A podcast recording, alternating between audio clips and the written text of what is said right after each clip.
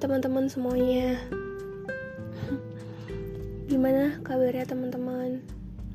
Semoga dalam keadaan baik pastinya Sehat juga bahagia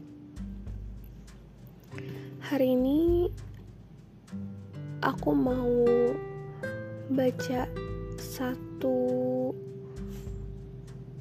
chapter di buku yang lagi aku suka aku udah baca ini sebenarnya dan udah aku review juga di Instagram aku. Tapi beberapa hari terakhir aku baca ulang karena kayaknya lumayan jadi reminder buat aku. Dan aku pengen share ke teman-teman semua. Jadi langsung aja aku bacain ya ini judulnya adalah Siapa yang datang ke pemakamanku saat aku mati nanti Penulisnya Kim Sang Hyun Oke okay. Di sini aku bacain bagian personality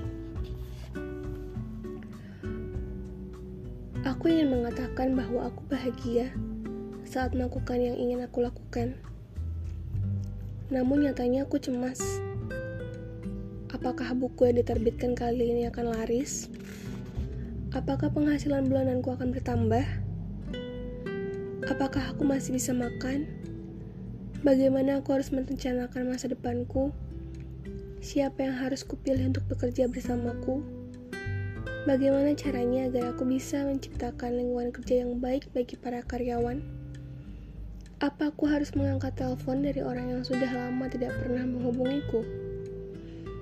Apa yang akan orang itu pikirkan jika aku tidak menerima teleponnya? Aku mencemaskan semuanya. Sangat sulit untuk hidup dengan benar. Aku harus tahu semua jawabannya. Tetapi hal yang tidak aku ketahui malah tambah banyak.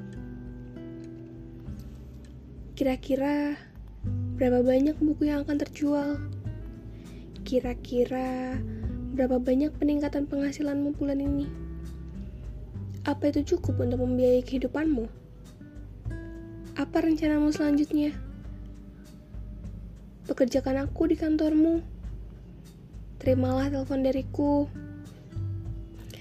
Aku telah menjawab semua pertanyaan dengan jawaban-jawaban yang orang lain ingin dengar. Bahkan lebih menyenangkan untuk tidak menjawab pertanyaan-pertanyaan itu. Apa kalian pernah berbicara dengan suara keras? Mengucapkan kalimat-kalimat tanpa arti? Mengenakan beberapa topeng saat berurusan dengan orang lain? Memaksakan tersenyum? Atau dengan mudah mengganti tulisan dan cara bicara? Meski lingkup pertemananku makin kecil, Aku kadang ingin sendirian saat aku dikelilingi orang lain. Beberapa kali berhubungan dengan orang lain membuatku sadar.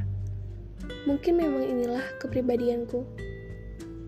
Kepribadian dalam bahasa Inggris adalah personality. Sedangkan dalam bahasa Yunani adalah persona yang berarti wajah. Mungkin Kepribadian adalah sosok diriku yang diwujudkan lewat beberapa topeng. Namun tidak peduli berapa banyak topeng yang kupakai, aku paling merasa nyaman ketika bertemu dengan orang yang tahu siapa aku sebenarnya.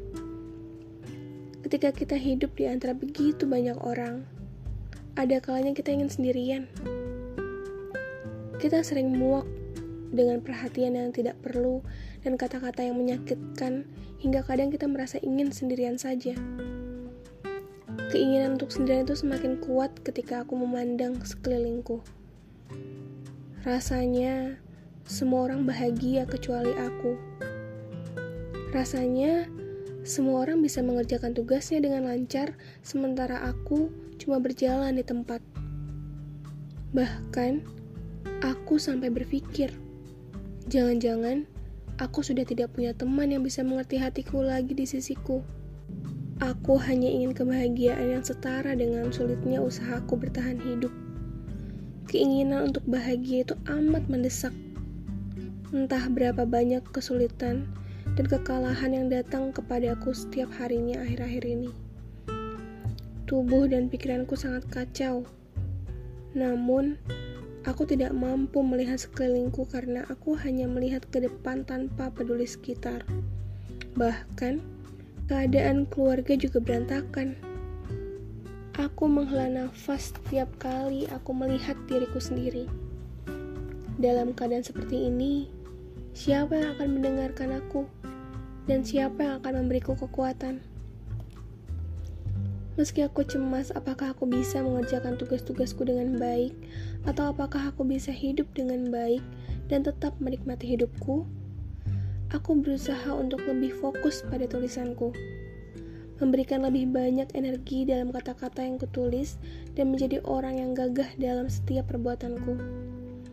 Aku mungkin sering terguncang, berkali-kali hancur, dan kadang terluka.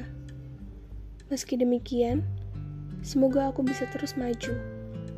Aku ingin menjadi orang yang konsisten. Aku ingin berusaha agar aku bisa lebih lagi hidup sebagai diriku. Hidup adalah serangkaian pilihan yang dipilih dan yang tidak dipilih. Kalau aku sudah memilih sesuatu, aku harus bisa menangani yang tidak aku pilih. Sudah jadi tanggung jawabku ketika nantinya aku menyesali pilihanku itu, dan sudah jadi tanggung jawabku pula untuk merasa senang saat mencapai prestasi besar lewat pilihanku tersebut.